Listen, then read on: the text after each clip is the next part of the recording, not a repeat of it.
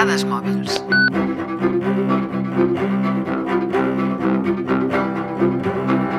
Avui en dia la xarxa està plena de celebritats. Milers de persones s'han fet famoses a través d'internet.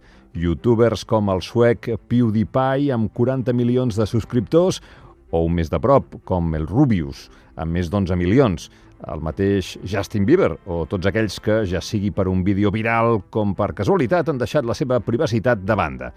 I ben cert és que hi ha una sèrie de persones que no només gaudeixen d'una popularitat fascinant, sinó que aquesta mateixa popularitat les ha fet persones influents en la resta de la societat. Segons la publicació nord-americana Time, aquestes són les quatre persones més influents d'internet. Félix Arbit Ulf Gelberg. How's it going, bros? This is PewDiePie. Més conegut com PewDiePie. Fèlix és famós a la xarxa per tenir un popular canal de YouTube on surt ell mateix jugant a videojocs. Una idea que a priori sembla simple deixa de ser-ho quan el canal té 40 milions de subscriptors. El secret del gamer suec és la seva narració tan carismàtica que combina l'absurditat i el seu peculiar sentit de l'humor, perquè veiem un exemple de la seva influència, va aconseguir, a través d'una campanya de crowdfunding que entre tots els seus fans, coneguts amb el nom de Bro Army, aconseguissin fer una donació de més de 630.000 dòlars a la ONG Save the Children. Taylor Swift. Amb 70 milions de fans a Facebook, 27 milions de seguidors a Instagram, més conegut com Insta, i 56 milions de followers a Twitter, Taylor Swift és la reina indiscutible de les xarxes socials. I és que, ens agradi o no, la seva música, la cantant sap connectar amb les adolescents, i no tan adolescents, quan les seves lletres parlen d'amor, pèrdues d'amor, rebutjos, cors trencats. També és una persona que, tot i la seva popularitat, parla directament amb les fans, eh, fa visita sorpresa tant a l'hospital com a un comiat de soltera i expressa la seva opinió tot i que vagi en contra de grans empreses, com per exemple quan va escriure una carta oberta a Apple en contra del pagament per part dels artistes durant el període de prova a Apple Music. I Apple va claudicar. Greetings, Jester. We are anonymous. The Jester. La tercera persona, o persones més influent, és eh, The Jester, una comunitat d'activistes que juguen amb els buits legals per la seva causa, que principalment es centra en terroristes. Han tancat pàgines web relacionades amb l'ISIS, amb l'estat islàmic, i grups discriminatoris. Han fet bromes virtuals a la Westboro Baptist Church, coneguda per la seva ideologia anti-gay.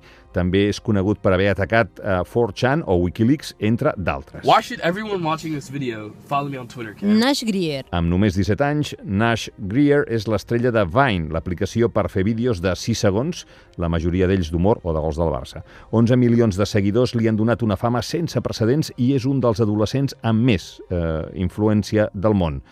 Ah, qui fos jove perquè els vídeos de Nash Grier ens fessin gràcia.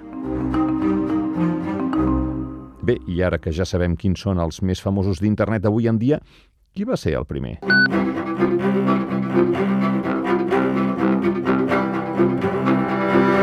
Avui en dia ja estem acostumats a considerar celebritats eh, adolescents sortits de YouTube, però si ens remuntem un temps enrere, als anys 90, quan encara no existia ni Facebook, ni Instagram, ni Twitter, ni YouTube, les cerques es feien amb altavista i internet anava lligat indefectiblement a aquest so.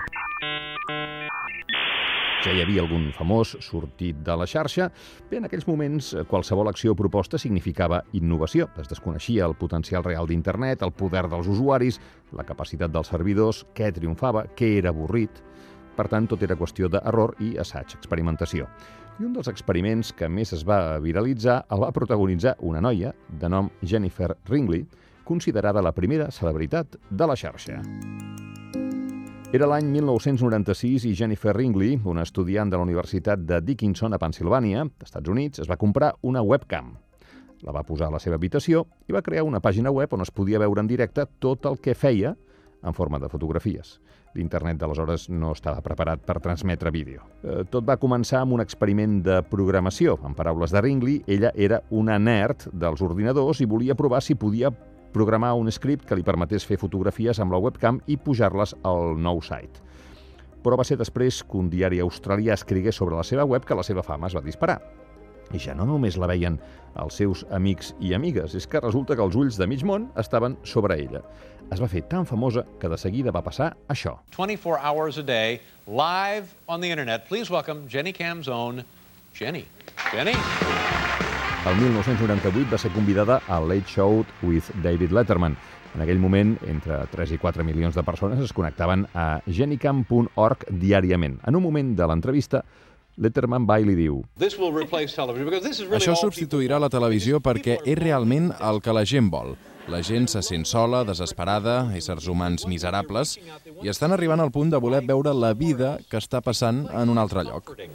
Com veieu, una vegada més aquí en Letterman va demostrar la seva lucidesa. Jennifer Ringley va viure en primera persona i podríem dir per primera vegada a la història atacs de hackers, amenaces de mort, crítiques, imitadors, eh, els grans efectes de la popularitat a la xarxa.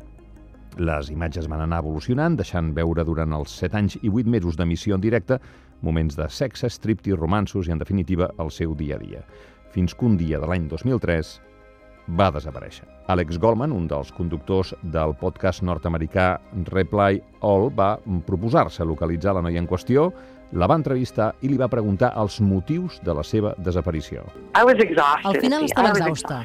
Vaig haver de desenvolupar una forta resistència tant per les coses dolentes com per les bones. Hi ha gent amb qui vull ser capaç de connectar. No vull desconfiar de qualsevol desconegut. De fet, avui en dia Jennifer Ringley ja no té cap pàgina web seva, ni perfil a Facebook, ni a cap altra xarxa social.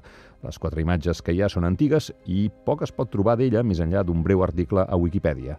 Jennifer va passar de tenir més de 100 milions de visites setmanals a no ser trobada a Google i, per decisió pròpia, no està present a internet a l'any 2015.